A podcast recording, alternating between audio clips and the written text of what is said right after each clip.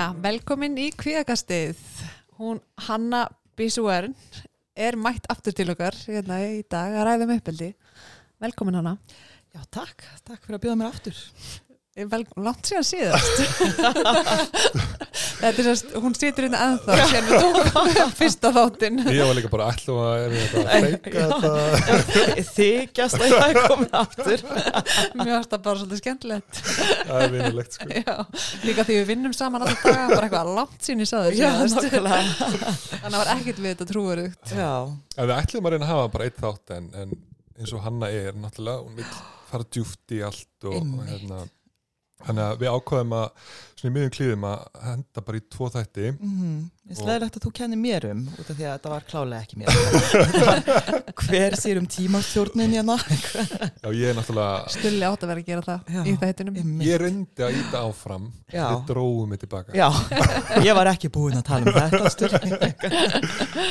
Herðu, eigum við að bara Sko, við náttúrulega fórum yfir alveg slatta síðast, vorum að tala um í síðast þætti bara fóreldarhlutverkið og, og styrkleika hjá fóreldrum og, og hvernig þetta hefur verið í fyrir tíð og, og núna og svo framvis og hérna, þannig að það sem ætlum að reyna að fara yfir í þessum þætti er við hans að tala um fyrirmyndir, ætlum að tala almennt um tengsl, tala um svona tölustundum heila þrennan, svepp, mataraður, heifingu, bara þessi svona basic hluti sem er oft gott að minna sá, tölum hans um skjátíma, reglur og rútínu, uh, skýr fyrirmæli, styrkingaskilmála, umbunarkerfi, virkarlustun, þetta hljómar og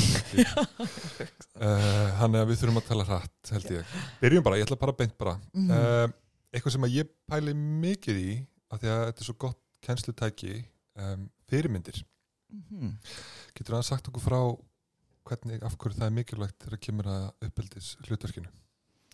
Bóm, bóm, bóm.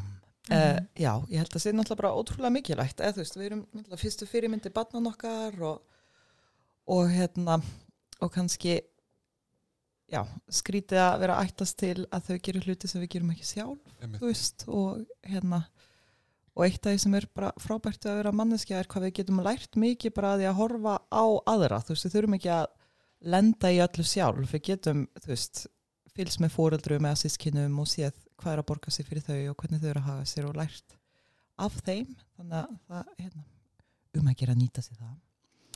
En það setur smá auka pressu á fóreldra að vera fullkomin.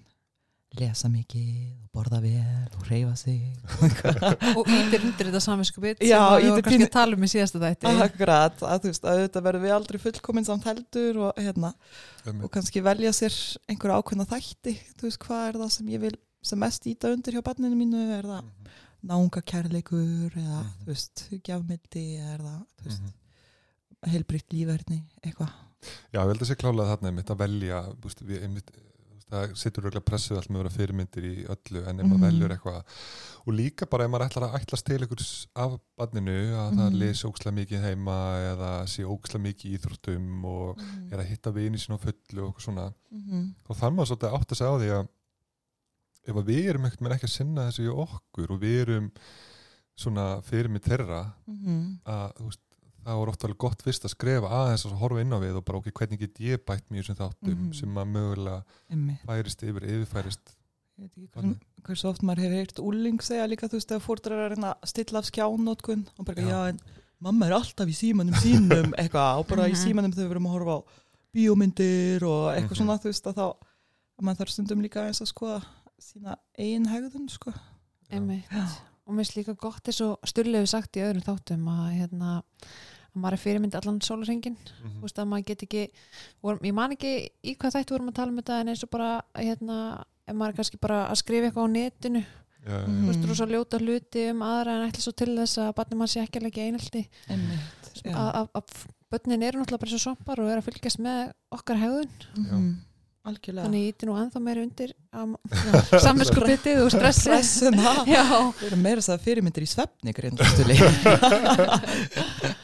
Já, en mér finnst það líka, þú veist, með fyrirmynda, svona, búið til enda meiri pressu, nei, en þú veist, fyrirmyndir líka bara af, af tilfinningum, eða þú veist, og hvernig bjargráði erfiðum tilfinningum og, og allt þetta, og þetta er oft, yfirleitt erum við að venda börnun okkar gegn því að sjá okkur upplifa erfiða tilfinningar sem er Mhm. alveg eðlilegt upp að vissu marki um, en þá erum við líka ekki kannski að kenna þeim þú veist að það sé eðlilegt að hafa erfiða tilfinningar eða þú veist að pappi verður stundum pyrraður eða mamma smá stressuð og, Mhm. og hvaða leiðir við notum til þess að hjálpa okkur þegar við erum að upplifa þessa hluti að það getur verið ótrúlega lærdómsríkt fyrir, fyrir krakkana í hóflegu magni um, og þetta erum við ekki að ræða eitthvað svona mjög óviðandi við þau eitthvað, ég get ekki borga reikningana eitthvað, við erum að fara að missa eitthvað, þú veist, svona, eða eitthvað svona, þú veist, maður kannski geymir slíkar áhyggjur fyrir sig en Já. svona minni hátta hluti sem leiði til þess að já, vera fyrirmynd í.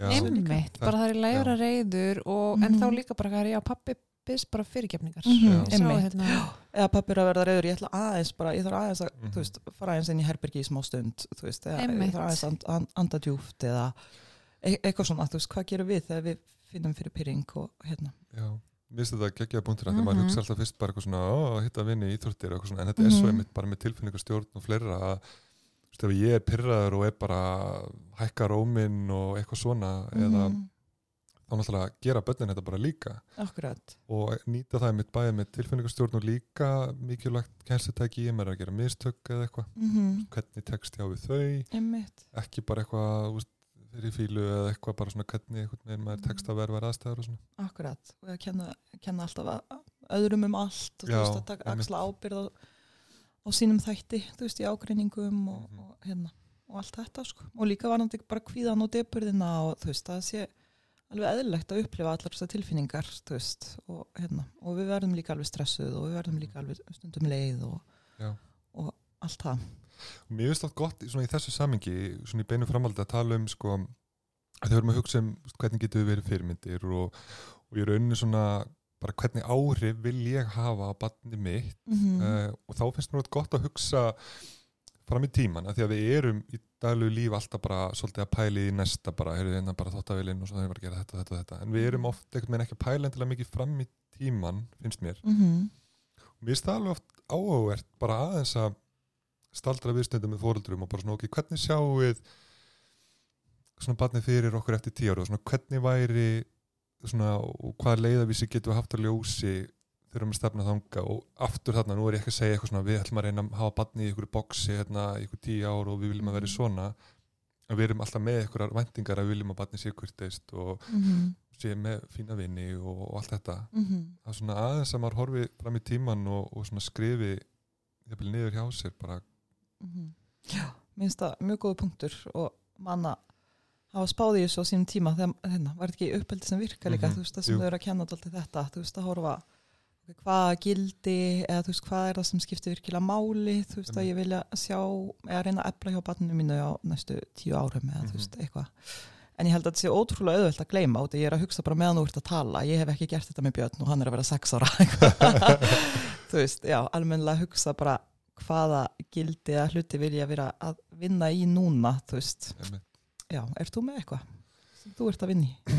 nei, ég minnst alveg gleymast sko. Já, en ég bara ég er mjög meðvitaður um að ef að veist, nú er dóttir mín í, í íþróttum og svona og ég er alveg meðvitaður um að veist, það skiptir máli að við séum að peppa, horfa á Mhm. þú veist, þegar Ísland er að keppa eða maður mæta öll mót og, mm og þú veist, farið með henni út í íþrótti bara líka utan skóla og svona, þannig að maður er alveg meðvitaður um það því að maður veit sem fyrirmynd að þá er maður að ít undir einhvern áhuga líka og svona, þannig að maður er alltaf meðvitaður um það.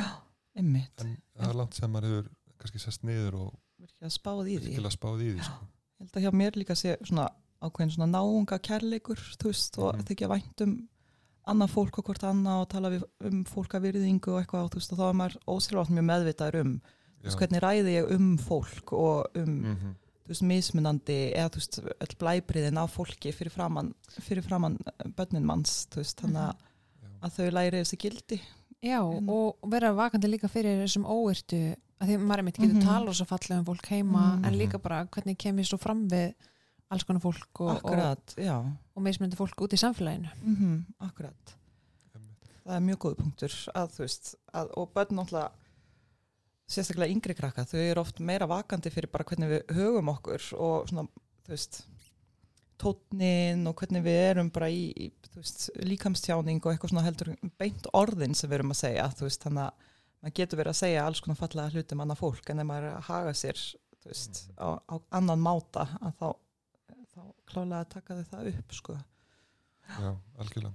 Mhm. Ef við förum aðeins áfram og höldum aðeins áfram í dagskrarni, við vorum búin að punta hjá okkur hérna með svona tengslinn og samverðstundir og við rettum svona þennan punkt þegar við tókum upp tengslahátunum sínum tíma af því að nú erum við að tala um að vera fyrirmyndir og svona almennt hvernig við getum haft áhrif á börninu okkur og svona Mm, og mér var svo geggjaða punktur og ég er nú búin að tala um það áður í öðum þættum að, að hérna, hvort sem við ætlum að vera fyrirmyndir eða vera með einhverja hæðunamótun og okkur svo leiðis þá verða tengslinn að vera góð Mhm. þannig að þetta er svona punktur sem að er ókslega mikilvægur að hafa í huga að hérna, það er erfitt að vera kannski ykkur fyrirmynd eða vera setja ykkur hæðanum mótun hafa reglur rútínu ef að tengslið við barnin er ekki góð og við erum ekki með samverðstundir og við erum meira bara eitthvað svona pjúr eitthvað yfirmaður sem kemur heim og bara það þarf að gera þetta og þetta og þetta Mhm. þannig að mér státt gleymast bara þessi basic bara eigða tíma með barninu myndatengsl að Mhm. barnið tristir og það sé gaman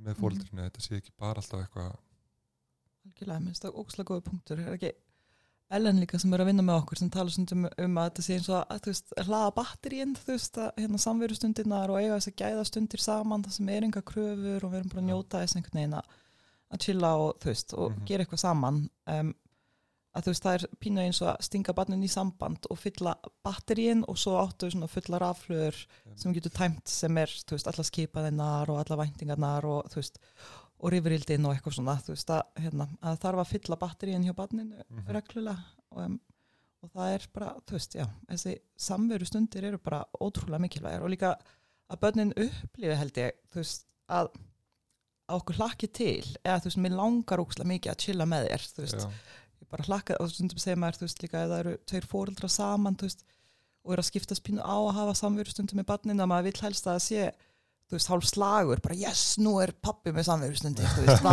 hvað ég hlakka til, burt mamma, eitthvað við erum að fara saman inn í herbergi að lesa eða, þú veist, að það er meira þessi tilfinning, bara Mhm. að þú veist, að fóreldrum langið að hanga með manni og finnst maður skemmtilegur og hérna finnst, já, gaman að vera í kringum mann það er Mhm. ótrúlega, ótrúlega dýrmætt kannski frekar en hvað er gert á þessum, í þessum samverustundum uh, nákvæmlega. Já, ég held að fólk mikli það alveg fyrir sér oft sko, þetta er eitthvað og algjörlega þetta eigi að vera einmitt, ég maður þegar dóttir mín hún var byrjuð að skipta átt kvöldunum eitthvað svona, já nú er mamma með mér í kvöld svo er pappi og svo kannski voru tvö kvöld sem með mömmu þá var ég alveg, býtu, er þetta ekki mitt kvöld? já, að mér varst það gaman skiljið mig, að þetta er svona já, akkurat. Já, mér finnst þetta líka einhvern veginn merkilegt sko, ekki hafa þetta eftir mér allir sem eru að hlusta ég man ekki hvað var nákvæmlega það var, þú veist, það allt hefur verið rannsakað í þessum heimi, en hérna það var gerði eitthvað svona veist, rannsókn að fylgjast með hversu mikið af bara svona chill tíma fóreldrar eiga með börnunum sínum. Mm -hmm. það sem er ekki verið að skipa eða segja um að gera neitt eða, veist, og það er ekkert eitthvað svona úlfað tímin og allt þetta á hverjum degi. Og það var eitthvað svona á bilinu 5 til 10 mínútur sem fólk eyðir með börnunum sínum þú veist, bara svona slaka á vennulegum virkum dögum eða eitthvað Það er rosalega lítið. það er rosalega. rosalega Já, lítið maður. allt hitt er bara eitthvað svona farið í skó, farið að við erum að fara út að þú ert að lesa, fá þig að borða þetta, eitthvað, þannig að þú veist, og það sem að hvetur fólk líka með samverustundirnar, þú veist, í staðin fyrir að miklaða fyrir sér að við þurfum að fara eitthvað í spa með úlingi nokkar eða við þurfum að, þú veist, fara í sund eða bíó eða eitthvað svona stóra hluti að þú veist, bara það að leggja saman upp í rúm í tíu mínútur, þú veist, áður en maður byrjar háttarútíðuna eða hérna, eða það maður er búin að lesa bók eða eitthvað hvenna sem hendar inn, á, inn í veist, planinu hjá þinni fjölskyldu að þú veist, það gefur oft miklu, miklu meira heldur en veist, að gera eitthvað stórt öðru hverju, bara að eiga miklu smá meira, check-in tíma á hverjum degi um, ef maður getur komið við en svo eru sem er kannski einstæðir með fimm börn eða eitthvað að það Já, er já, já. erfitt að gefa hverjum á einum tíma en já, að það er oft miklu áhrifaríkara heldur en eitthvað eitt stórt öðru hverju sko.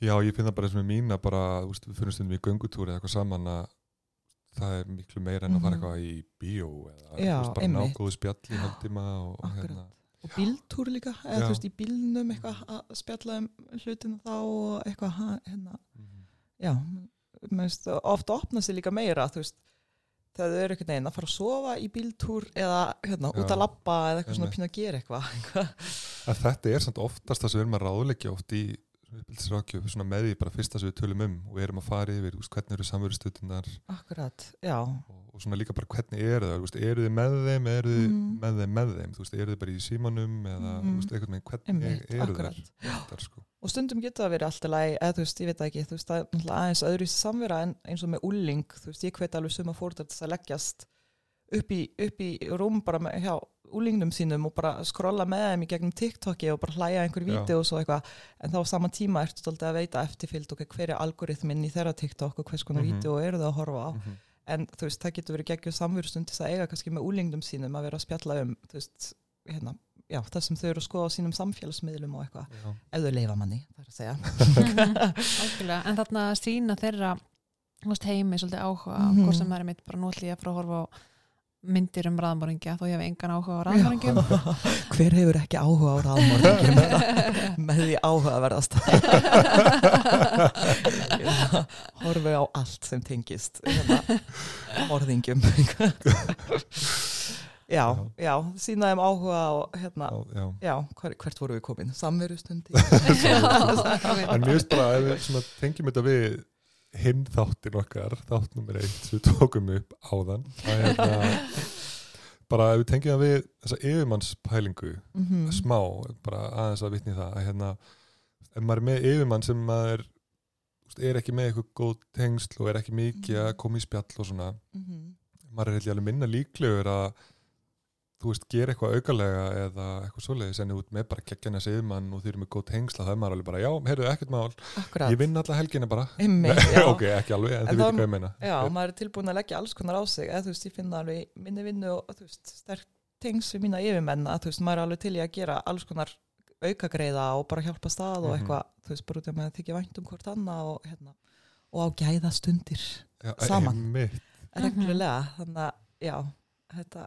skiptir allt máli, sko. Gera það sko. Mm Herðu, þá fyrir við kannski, nú erum við að tala um þessi grunnatriði og, og svona eitthvað sem gleymist oft líka er bara þessi grunn, grunnatriði, svepp, matræður, heifing um, Getur aðeins talað um það hana, svona í tengslu við uppeldið? Já, ég er náttúrulega algjör sveppherri. Ég hérna, elska að tala um svepp. Um, en hérna já, ég veit ekki, þú veist, þið kannski notið sem er myndlíkingu við krakkana, þú veist, maður tala stundum um að líka minn er eins og bíl, þú veist og hérna e, þú veist, það þarf bensín og það þarf ólíja og hann þarf reglulega að fara í smurningu annars bara mun hann ekkert ganga, það er bara punktur Mm -hmm. og það er fyrir okkur uh, dýrin eða mannverur er svefn og, hérna, og góð næring og svo regluleg heifing þú veist. og þú getur eiginlega bara ekkert náð einhverju þínu besta geðheilbriði eða þínu topp ástandi þú veist, án þessa hérna, að eh, vera að passa dóldi upp á þessa þætti. Að, hérna, það tryggir ekki að hlutur veri geggja það tryggir ekki að bílinn gangi að hann þurfa aldrei að fara í viðgerð þótt að þú sést með bensín og olíu og hann sé búin að fara í alla sína smurningar. Um, að hann gæti, þú veist, bila og þurft viðgerðir og alls konar en hann mun ekki ganga án þess, veist og það er bara alveg þannig með, með okkur. Mhm. um, þannig að ég held að sé mjög mikilvægt fyrir fóreldra að hafa huga og ótrúlega krefjandi nú til dags út af því að rannsóknir sín okkur það að íslensk hérna, ungmenni er að sofa allt og lítið og minna heldur en hérna, flest annar staðar í heiminum. Um, og skjánótkunnin hér er náttúrulega mjög mikil og hefur áhrif. Um, Mhm. já, og náttúrulega alls konar varandi mataræði og hérna, ekki láta mig byrja á alla matakúra og eitthvað, en þú veist, bara borða fjölbreyttan mat. Um, þú veist, og hvað það skiptir miklu máli. Mhm. Ég held að þetta sé mikilvægt fyrir bæði fóreldrana upp á bara sína tilfinningastjórn og bara vera já, eða bara þú veist að geta einhvern veginn synd uppeldinu vel þú veist, að vera mitt bara með þessa grunnstóðir heilsunar Mhm. í lægi en líka mitt fyrir krakkana bara, Mhm. þú veist, til þess að þau geti verið Akkurat, og þá erum við líka fyrirmyndir í því veist, að vera að passa upp á svefnin okkar og vera að reyja okkur Mhm. eftir hver, hvar áhuga sviðin okkar liggja og, og mataræðið og, og allt þetta að vera fyrirmyndir og hlúa vel af sér þannig að maður getur verið besta fóreldri sem, hérna, sem maður vill vera besta útgáðan sjálfum sér Mhm. það er alveg dramatíst. Mhm, einmitt. en þetta tengis greinlega allt þessar grunnstóðir og fyrirmyndirnar og, Mhm. og, og allt þetta Mhm. og maður finnur bara í allri vinnu hvort það er uppeldi bara með kvíða og fleira maður er alltaf að pæla í öllum þessum hlutum og Mhm. reyna einhvern veginn að einmitt, það er svo mikilvægt að fara í þetta grunn dæmi sko Mhm, það er það Það er það, sko. En þú nefndir skjátíma aðan, þú veist að segja hérna, að íslensk börn væri mikið í Mhm. skjánum og svona. Eru einhver svona viðmið? Já, varandi hversu mikil skjánótkun. Já. Nei, það er, eða þú veist, jú, það hafa verið gefin út einhver við mig. Ég ætla samt að grípa það að ég veit ekki hvort að íslensku úkbenni séu meiri skjáum heldur en annars það. Ég var meira að tala um svefnin að hann væri hérna Mm. minni en það Mhm. kemur svo sem ekkert á óvart, veist, með að við, hérna, með að við margt sem maður heyrir að þetta sé meiri kantinum hér heldur en margt þar. Um, en ég veit það ekki, mann stóðstölu, ég veit að það var gefið út eitthvað einhver tíman, þú veist, einhverja leiðbendingar um Já, það var sko það var alltaf ákveðna reglu með skjátíma en ég held að það sé þrjú ár síðan að það var Mhm. tekið út í embættilega endlagnis eitthvað svona ákveðin Já, skjátími en þetta er meira talað um í dag hvernig er börnin að nýta Mhm. skjátíman, hvað eru það að gera Akkurat. um leiðu til byrja að trubla eitthvað með máltorska eða félagsleg Mhm. eða líðan eða eitthvað Mhm. þá er það orðið eitthvað svona vandamál þannig að meira miða við er þetta trublandi og hvað eru það að gera meira heldur en Akkurat. eitt tveir. Einmitt, mér finnst það líka svo ókslega góði punktur út eða þú veist, skjár er ekki bara skjár skilur þú veist og ertu í tíu tíma á dag að skrolla á TikTok eða ertu veist, að tala við vinina, ertu að spila tölvuleiki og veist og það er að epla alls konar nýja færni og mögulega að spila tölvuleiki með veist þannig að það er félagslegu þáttur pluss, rýmdaskinjun pluss, alls konar Mhm. sem þú ert að þjálfa upp raukhugsun og alls konar í gegnum tölvuleikina Mhm. að þú veist, það er ekki alveg sami hluturinn og þetta finnst manni full mikið að einhversi tíu tíma á dag í, tölvuleikjum um, en en já, það er ekki, þú veist, það skiptir máli hvað það er sem maður er að gera, Já. finnst mér allavega líka. Og um leiður orðið bara eitthvað svona nei, ég ætla ekki að hérna, fara í þetta ammali eða ég nenni ekki á æfinga því að ég er í þessu í -hmm. eitthvað, Akkurat, þá er maður alveg ok, þá þurfum við klálega mögulega að setja eitthvað ramma utanum utanum það sko. Já, eins og maður segir líka þú veist, stundum við krakkana, þú veist, bara fínt að hafa áhuga mál og bara gegja, þú veist, að þið finnst gaman að spila eða hvað það er, þú veist, en það er líka hættulegt þegar bara yfirtekur alveg allt lífi manns, veist, Mm. og þetta er bara eiginlega eina sem maður vil gera alltaf, um, þá er maður kannski komin út í eitthvað svona pínu Mhm. pínu hættulegra Mhm. um, en já, það er erfið að gefa út einhver á, á, ein ákveðin viðmið mér finnst meira líka vera, þú veist, hvað og hvenar líka, veist að vera ekki endilega upp í rúmi að skrolla uh, endalaust, það er ekki mjög góð, uh, hollar svefnvenjur og hefur mikil áhrif á svefnin hjá manni Mér finnst þetta svo góð punktur að þið líka bara með því á hegðunin sem Mhm. tengist því að vera í tölfunni og núna líka bara sam, meira samfélagslega samtækt straf íþróttir mm. en þá líka bara, þá ertu íþróttamæður og þá ertu að standa upp frá tölfunni og þú ert að pissa og þú ert að Mhm. þú veist, nærast vel til að geta performað í tölfunni mm þannig að þessi hegðun sem að þið bæður að lýsa sem tengist tölfunótkunni -hmm. skiptir kannski meira máli heldur en, en tíminn sjálfur já, Já, mér finnst það rafið þetta svona menningin sem er að þróast núna finnst svo geggja börn sem hafa eitthvað með verið meira svona eitthvað með á kantinum, Já, eru meira eitthvað með það komin í, eitthvað, já, já, komin í eitthvað hóp. hóp og, og eru líka að gera fullt af hlutum. Mm Mhm. eru held ég að fara í einhverjar ferðir saman og bara eitthvað að lappa búlusvall held ég og eru að og- keppa og óksla flott sko. Ógisla flott sko, þannig að maður bara ef að barni ykkar er í því að aðtökurt að séu félagi nærumhverfi ég held að Mhm. sé bara í flestum íþróttafélagum í dag og komnar æfingar og eitthvað já, Mhm. mér finnst það bara það er bara briljant sko Já, og líka bara alls konar eins og ég búið hjá skema og eitthvað svona að læra forritun og Mhm. Minecraft námskeið og eitthvað, ég veit ekki hvað er í búið í dag skilur en það er ofta alls konar í búið í kringum þessi áhugamál, þú veist, sem virkja líka krakkana félagslega og, og eflir þau og eitthvað, þannig að Mhm. það er alveg geggja sko en já, það er misjæmt hvað maður að gera ég fæ ég get minna að sé hverju notagildi þess að skróla á TikTok í tíu tíma heldur en að vera kannski að spila tölvuleiki eitthvað, en kannski er það bara ég. Maður læri margt á TikTok samt. Já. ég er stundum að vitna í TikTok Þau vitna oft í TikTok í tímum. Já, alls konar uppskriftir og make-up tutorials já. og Já, ég, já, ég hef alveg komið með fræðslu og eitthvað svona, já, ég var búin að sjá, ég vissi, ég sá þetta á TikTok eitthvað, ég alveg, svo eru sálfræðingar á TikTok, einmitt, já, Einmitt. já, já, ég þarf að tjekka kannski ég Mhm. verði TikTok sálfræðingur Þetta ég hana. Já. Það er bara vist í lægi að skrolla á TikTok. bara ef þú eru að skrolla og horfa á mig tíu klukkutíma já, já, en með þess eitt líka með skjána eh, veist, með yngri krakkana er hvar þau eru í skjáum veist, að hafa bak við eirað en það er kannski minna þau eru, eða jú, mörg hver eru mikið á YouTube, þú veist, ég veit ekki hvort þið munna eftir hvað oh, Momo, muni eftir því Já, hérna, einmitt, dæmi. sem allir krakkarnir voru ekki, við? Já, eitthvað svona hryllingstúka sem var að koma inn í Peppa Já, Pig þætti já, bara já. hlæja Mhm, þetta var alveg hryllilegt og var að segja börn að gera bara hræðilega hluti svona.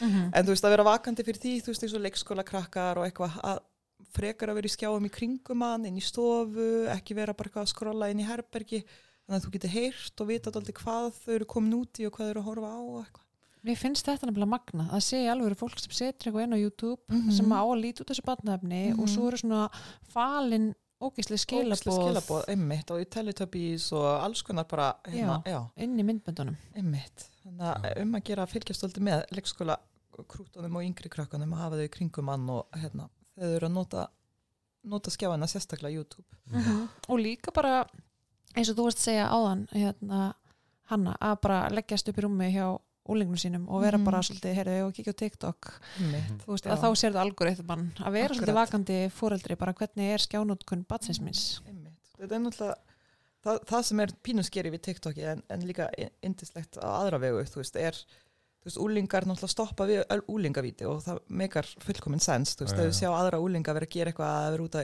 úti eitthvað, þú veist, að gera einhverja brandara eða eitthvað fyndið eða eitthvað, þú veist, að þá staldraði við þau víti og sama hvað kontenti er Mhm. um, en ef kontenti vill svo vera að sé eitthvað svona misgott eða hatursfullt eða eitthvað eins og er að koma upp núna að þá breytist algoritminn þeirra rosalega hratt og allt í hennu er bara annarkvært víti og orðið, þú veist kannski eitthvað hatursfullt efni eða, hérna, eða eitthvað sem við viljum síður að þessi að horfa á. Um, þannig að það, þetta er alveg eitthvað að vera pínu vakandi fyrir og reyna mögulega leiðrétta algoritmann þeirra, stoppa við öll krútlu finnu eitthvað vídeo inn og eitthvað. Bara sjá við þetta? stöldrum hér. Aðeins.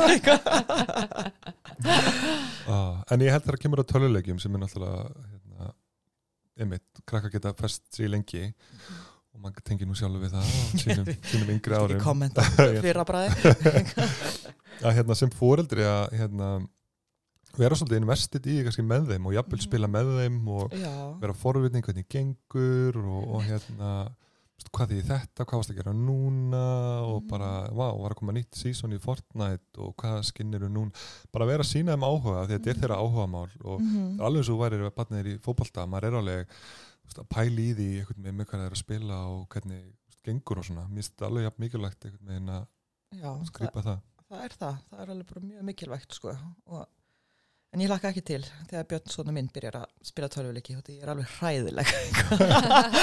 Þannig að er að vera bara ó nei, þarf ég að kenna kannski verður ég bara meira að horfa á hann með pop og Herra, við höldum aðeins áfram um, eins og með þetta erum það er svo mikið eftir. Um, Við vorum búin að setja punkt hérna næra sjálfan sig setja grímun og sjálfan sig fyrst.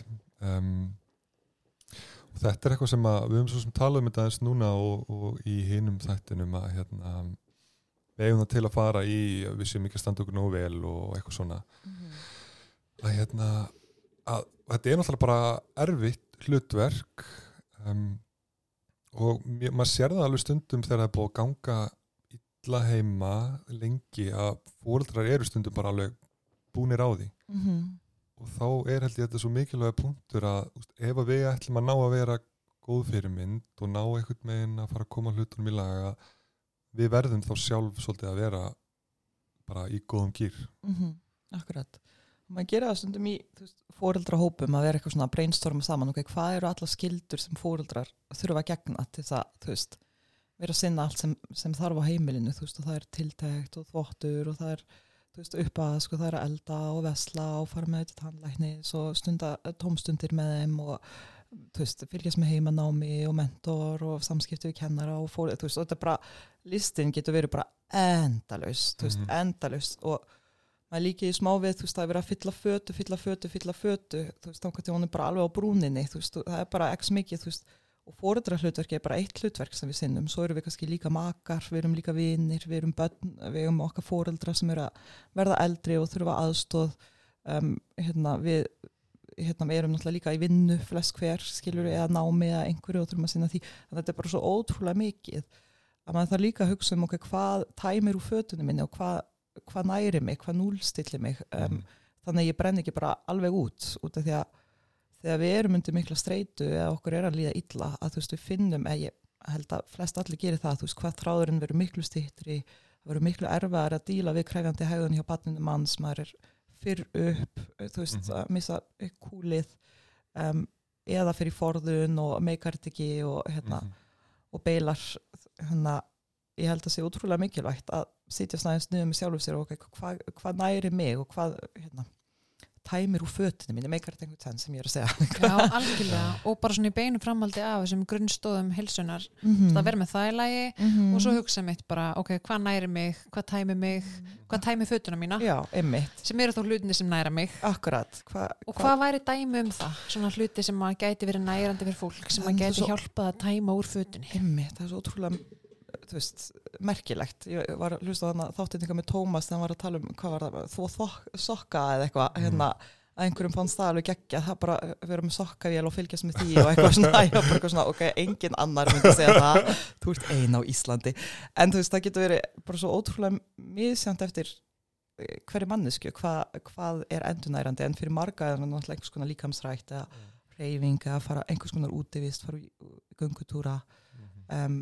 en það getur líka verið bara veist, að horfa í tátt á kvöldin eða veist, fá sér góðan kaffibotlu um morgunin áður en krakka til vakna um, og þegar maður þarf líka að hafa í huga veist, að það er ekkit alltaf raunsætt fyrir alla að geta gert þess að stærri hluti utan heimilisins uh, mikið, og sérstaklega kannski einstæðir fóreldrar og alls konar sem kannski hérna um, get ekki leift sér að vera að fara rosa mikið, þú veist, í burtu frá börnunum sínum. Mhm. um, en það er æðislegt að hafa bak við eira okkar vinkonu kvöld eða eitthvað en okkar eru hlutir heima sem ég get gert þú veist, get ég hérna, fara í bað þú veist, á kvöldin eftir að krakkarnir eru sopnaðir eða get ég sett uh, kvíðakasti, podcast í eirunum menn ég er að elda?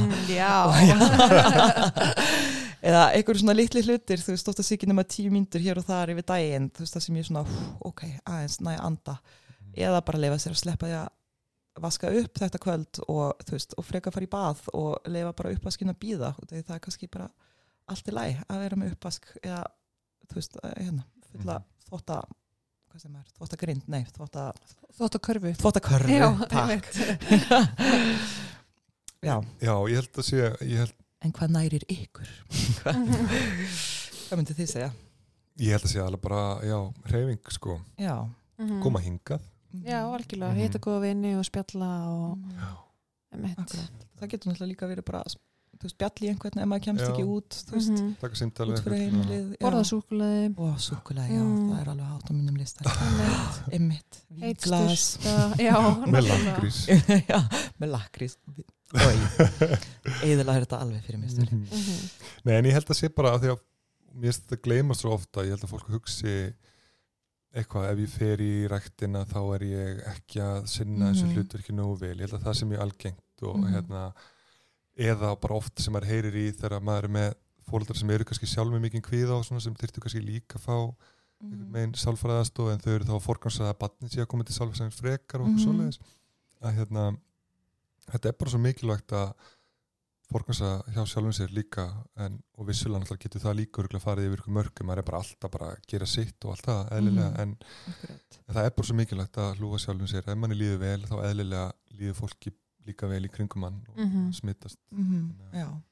Og að maður sé, þú veist, einmitt, maður upplifir það oft við fóreldra, bara hvernig ég hef ekki tíma eða þú veist, Já, eins og maður sé hálf sjálfselskur fyrir að gefa sér tíma til þess að gera þess að hluti en maður þarf svona að breyta gleruðanum bara, nei, þú ert, þú ert að gera þetta fyrir barnið þitt, Já. að þú Mhm. getur ekki verið besti pappi eða besta mamma um, eða svo mamma sem þið langar til þess að vera eh, ef þú ert alveg útkeirð og að brenna út og, og, hérna, og líður mjög illa sjálf og ég veit að þú veist, þið örgla alveg eins og ég, þú veist, það er alveg marg oft sem maður bara hefur stoppað meðferð hjá barnið til þess að forgangsra sálfræði meðferð hjá foreldrum að Mhm. þú veist, herru, fyrst þurfum við að sitja grímin á þig um, áður en, þú veist, og sjá svo hérna, sjá svo með barnið þegar þú ert komin á betri stað og eitthvað að, hérna, að barninu mun ekki ná að líða betur ef þú ert í verulegum vanda eða að eiga við hérna, mikil veikindi eða eitthvað.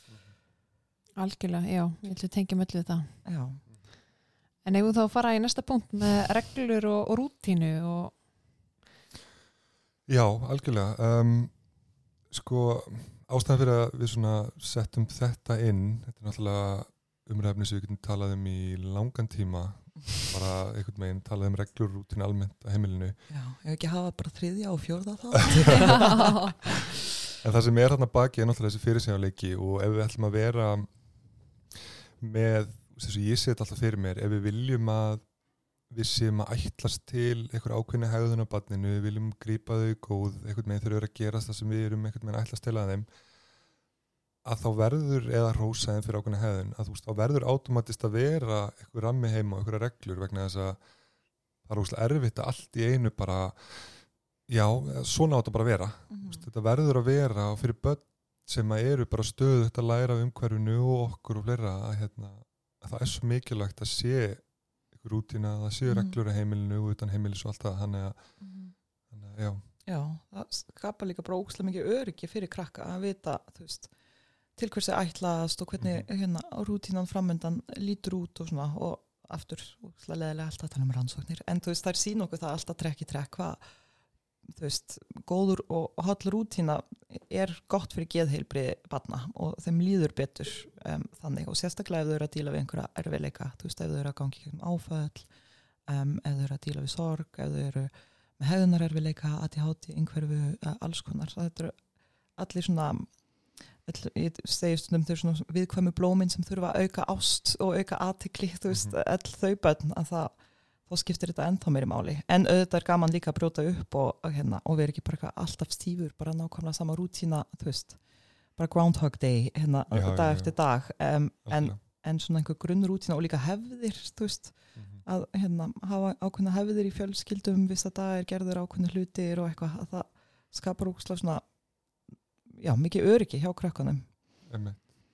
og við tölustundum um líka bara eitthvað svona fundi bara fjölskyldufundi og eitthvað svona eða fólkfundi bara til að ákveða einmitt eitthvað hefðir eða eitthvað ramma eða rútinu og eitthvað svona þannig að þetta sé, við séum alltaf sem við blasið með þetta Mhm. einhvern veginn já, akkurat og því ég held líka að krakka sér ótrúlega svona ég meina þeir eru klárir og þeir átta sig mjög fljótt á því ef að það er ekki ef, ef fóreldan eru ekki samstiltir mm -hmm. hvað kemst ég upp með og hvað kemst ég ekki upp með hjá þessu fóreldri versus hinu fóreldrinu akkurat, já og það er líka þú veist, getur samt líka að skapa mikil óþægindi hjá þeim ef þau eru oft ágreiningsefni fóreldra, Mm. þú veist hérna, svona undir niðri án þess að þau kannski komi beint með það upp en kannski kemur upp í meðferð hjá manni að, að þú veist, þau upplifi sig oft sem megin fórsend af tókstreitum millir mömmu og pappa, það er náttúrulega ekki góð stað fyrir, fyrir krakka að vera í, þannig að kannski þetta alltaf fyrir okkur að reyna að sitjast niður og stilla saman strengi og ákveða þú veist, hvaða rútínur við viljum taka á, hvað okkur langar til þess að gangi betur um, og hvernig við ætlum að gera og hvað við erum sammála um. Þannig að endilega bara sitjast niður og fá sér vinglas eða alltaf með vinglas eða, eða teabotla eftir að krakkanir eru farnir og sofa og reyna, reyna ákveða og líka milli heimila ef maður, Mhm. ef maður er með þannig samskipti ef maður getur það. já og ég get líka ímyndið með þarna að það þurfa að vera svona skýrt hvað maður ætla að tækla Mm því voru svona í, í, í nú manni ekki hvort það hafi verið síðast þætti eða þessum þætti Rennur allt að saman. að við vorum svolítið að tala, tala með mitt hérna framtíða badnið og Mhm. að setjast niður bara hver, hver eru gildinni sem við viljum Mhm. fá hjá badninu og, og þú veist að, að setja þá markmiðin í samræmi við gildin sem við erum búin að setja Mhm. og, og þá get ég myndað mér um að þurfa að skilgrænt svolítið vel þú veist, þess að börn veit ekkert hvað er að vera góð systir til dæmis. Ymmi, eða rosalega góð að læra. Veist, að, að hvað er við að meina með því? Mm mm. geti líka verið góða punktur á þessum fóreldrafundum get ég myndað mér. Já, mjög góða punktur. Já, mjög að bara skilgreina ok, góð sýstir, þú veist, að deila að segja fallega hluti, að hvað er á baku þessu hugtök? Um, það er mjög mikilvægt. Og minnst líka stundum finna að hugsa til þess ok, hversu marga vinnufundi hefur maður setið, veist, á æfisinni, Guð, þú veist. Jésús minn. Og bara hvert verkefni krefst, þú veist, 20 funda að sitja á fót og, og ný verklag, þú veist, að það krefst alls konar funda í kringum það hjá stjórnendur og svo með, með starfsfólki og alls konar. En svo þegar kemur að eiga foreldrafund eða sitjast niður veist, sem, sem foreldrar og ákveða hluti að það er einhvern veginn eitthvað svona skrítið eða maður fattar bara ekki að gera það held ég en Mhm. það sé alveg mjög mikilvægt og ég veit að sumir þegar þau byrja á því þú veist þá geta þau ekki hægt sko er bara alltaf mánaðilega bara eitthvað fundir nú þurfum við að sitjast niður og ræða kalla Já, Já. mér finnst alltaf ógslag gaman þegar ég er með einhver í meðferð og, og, hérna, og ég heyr eitthvað svona, já, við vorum með fjölskyldufund um helgina og ég er alltaf bara eitthvað, ú, mér finnst það svo geggja, sko. Já, einmitt og já, ég finn það mikið með úlingunum líka þú veist, þegar ef maður næra innlega þú veist, einhver svona fjölskyldufundi þar sem allir hafa rætt og það er verið að hlusta á alla og reyna að komast að einhver saminlegum niðurstöðum og eitthvað hvað þeim finnst þetta geggjað og dýrmætt þú veist að hérna fá að hafa eitthvað aðeins að segja um Mhm. bara eitthvað hverja skjá, skjáreglunar eru eða þú veist klukkan hvað ég þarf að fara svo innan, eðl, þú veist, innan Mhm. góðara marka skilur Mhm. en uh, flestir líka koma á óvart og þau er ekki með það ósangjarnar kröfur, þú veist, þau vita alveg hvað meikar senn samt innst inni og hérna, og er alveg til í að koma með eitthvað svona já, góða reglur fyrir heimilið. En mælur þá með að það séu sko fóreldrafundir og svo fjölskyldufundir? Já, það getur verið tvent, tvent ólíkt og all, alls konar fundir. Margir fundir. Akkurat, en þú veist, það þarf ekki að vera leðileg stund að sitjast niður með makanum sínum, veist, og, hérna, og fá sér tepotla eða eitthvað og spjalla um kalla í hálftíma og leðir sem við ætlum að hjálpa honum þannig að hann fari fyrir að sofa á kvöldin eða þú veist, að hérna, þetta þarf ekki að vera eins og vinnufundir nema með ykkur, þeir eru mjög skemmtilegir. Um, Já, og líka fjölskyldufundirnir, þú veist, það getur verið bara gaman að sitjast niður og spjalla um einhverja ákveðna hluti Mhm. og þá vorum við líka að tala um þú veist, eins og held ég í síðasta þætti að, að einbtöku kannski þá að einum hluti hluti, einu já. og -hmm. vera ekki með mikið í gangi af því að þá, emitt, eins og þú nefndir sjálf hana að þá er líklega að eitthvað mistakist og maður fari inn í niðurbrotið Já, einmitt, maður fyrir að rífa sér niður eða, þú veist og líka bara maður næri ekkert að halda öllum boltum á lofti þú getur ekki tekið, tekið á og bætt morgunrútíuna og háttarútíuna og heimalesturinn og matarvenjurnar og eitthvað, þú veist, þá ertu bara í stanslusi stríði allan daginn, sko. Mhm. að freka bara, ok, nú eru þessi mánuður það er bara háttarútína, þú veist, ég er bara Mhm. að hugsa um það, að ég ætla að koma því í lag og sjá til þess að það gangi betur. Og svo í næsta mánu ef það er komið á betri stað þá getur ég skoða morgunrútínu eða næsta rútína sem er alveg að gera mig brjála einmitt, einmitt Herðu, hérna, við höldum að það fram uh, og förum næst í, við ætlum að tala um skýr fyrirmæli. Um, og ég er að spája varpa boltanum bara beint yfir þín hana hvernig, hvernig myndir þú skilgarinn að skýr fyrirmæli og af hverju eru þau mikilvæg þegar kemur að uppeldis hlutverkinu pum, pum, pum. sko já maður tala svolítið um að fyrirmæli sé þú veist, undirstaðan fyrir hvort maður sé að fara að fá einhvern samstarfsvilja fram hjá barninu eða svona hvernig fyrirmæli get ég gefið þess að auka líkur á samstarfi við barni mitt um, og já, það það eru alls konar þættir það þar sem skipta máli. Hvað finnst ykkur skipta máli? Það er einhver að byggja ykkur um að gera eitthvað. Hvað, hvað stuðar ykkur eða minka líkur á um, að þið séu til í að gera það sem þið eru byggðinum? ég, myndi, ég myndi halda ef að fyrirmælin eru í ykkur í langlóku Mm -hmm. það, ég held að það stuði mann ef þetta er ekki bara, bara svolítið einfalt Já, uh, og það er verið að tala í kringum hlutina og eitthvað svona bara í snæði verið að hafa þetta bara, þú veist, þetta þarf að gerast já, eitthvað skýrt Bara mjög skýrt. og hnýtt með það. bara, já, mjög nýtt með það stutt akkurat. það var svona líkil atriði sko. Já, bara vita einmitt hvað er ætlast til að manni Mm já. með þessu eins og ég var að tala um án bara einmitt, verður góð sýstir, ég veit ekki hvað það er skilur. Já, einmitt. Að vera skýrt til hvers er ætlast, ekki vera með langklokkur. Ég held að fyrir mig líka myndi stöða mér mikið ef fólk er bara dónalegt um mig og, veist, og pyrra, bara heyrðu, gerðu þetta Já, það er já, ekki já, líklegt þess að auka samstarfsvilja minn allavega, Nei, þá fer ég bara í mótrúa. Nei takk, ég ætla ekki að gera þetta. Þannig að ég held að veist, allir þessi þættir náttúrulega skipta máli hjá krökkunum líka en það sem skiptir ennþá meira máli hjá þeim, þú veist, þau eru svo oft í sínum eigin heimi er bara að tryggja þau að meðtaka fyrirmælinn, þú veist, og að fara til þeirra og við erum svo ótrúlega oft að gera þúsund hlut á sama tíma og maður er inn í eldhúsi og maður er að kalla aftur og aftur bara fara, þú veist, gerðu þetta, gerðu þetta, gerðu þetta þú veist, og maður veit ekkert hvort að krakkin sé í rauninni að heyra, heyra það sem er að segja og það upplifir allavega ekki eins og maður sé að fara að fylgja hlutum eftir, þú veist, ef það gerir ekki það sem er að segja. Þannig að fara til þeirra og tryggja, veist, tryggja aðtikli og mynda auksamband nota hérna, Mhm. og segja um hvað stulli minn, talaði í mikrofóninu núna. Þetta voru mjög skýr fyrirmæli. Og svo það sem við brennum okkur held ég ofta á, veist, en það skiptir stundum ekkit miklu máli, en ef maður er með pínu svona sjálfstækt barn sem er ekki alltaf í fullu samstarfi uh, og maður er mikið að spyrja þegar það er ekki val, um, þú veist, væruru til í að tala í mikrofóni núna og stulli bara nei. Að þú veist, þegar það er raunverulega ekki val og barnið á að gera eitthvað, að þarf að gera eitthvað, að þá sé kannski ósangjart að vera að leggja upp sem val og spyrja mm -hmm. um, og þá sé betur að segja bara barninu, herrelskan, hvað í skona núna frekar en væru kannski til í að fara í skóna Mhm. um, og svo þegar það segir nei þá verður við brjálið út af þetta var aldrei val þannig að frekar að setja þetta bara upp eins og það er strax Já. Já, þetta sé ekki spurning heldur meira bara einmitt eitthvað ákveðin beini eitthvað krafa, já. Akkurat, en okkur finnst það erfitt út af því að eða flestum finnst það erfitt út af því að við tölum ekki þannig saman fullori fólk, þú veist, ég er Mhm. aldrei að skipa stölla, eða þú veist, ég er aldrei að skipa ykkur fyrir bara, heyrðu, takt upp úr vélinni núna Katrín, Mhm. eitthvað, en eða þú veist, gerðu þetta, en það er meira værur til að Já. gera hlutina út af því það er val hjá fullornum, uh, þú veist, með lang flest sem við gerum. En ég held að þarna spilir líka bara rattblærin og tengslu Mhm. barni nú þegar skilur, ef Akkurat. það eru slæm tengsl og þú ert oft eitthvað svona pyrrar ef það er ekki gert eitthvað sem þú vilt að Mm en ef þú ert bara, þú veist, ef að sambandið er gott og þú orðar þetta bara hérna, takk á vélni eitthvað, Já, einmitt. að það er alveg munur sko. Já, það fyrir eftir hvernig maður segir hlutina og ef maður er alveg bara, heyrðu Katrín mín, ertu til í að, þú veist, setjast á hennan stól núna, eitthvað, eða þú veist, já, ekki ertu til, en sest á stólinn núna. Mhm. Ef þú notar bara góðan rattblæ og, þú veist, Katrín mín og eða ástin mín eða eitthvað, Mhm. að þú veist, þá verður þetta allt vinalegt, en ég er samt að segja þér hvað þú átt að, hvað þú átt að gera og því það er ekki val og þú þarft að setjast á stólinn núna. Tjók. En við svona snúum þessu aðeins að Skapstyrst.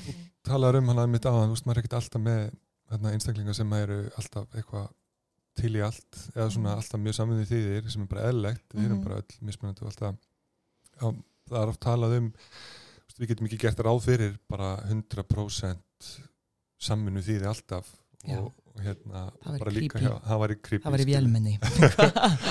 þannig að bara hafa það hugfast líka sem fóreldri að þó barni kannski sé ekki alltaf að fylgja einhverjum fyrirmælum eða beðnum eða eitthvað svoleiðis að það er bara mjög eðlilegt við getum ekki gert ráð fyrir Það er líka búið að rannsaka það, krakkar. Þetta er Búið allt í bara- rannsóknu þáttir búið að fara inn á heimili og mæla svona, þú veist, svona barn með svona nokkur eðlilegan þroska, þú veist, hversu oft ferða eftir fyrirmælum foreldra mm á innan við eitthvað svona, ég man ekki hvað var eitthvað svona mínútu eða eitthvað.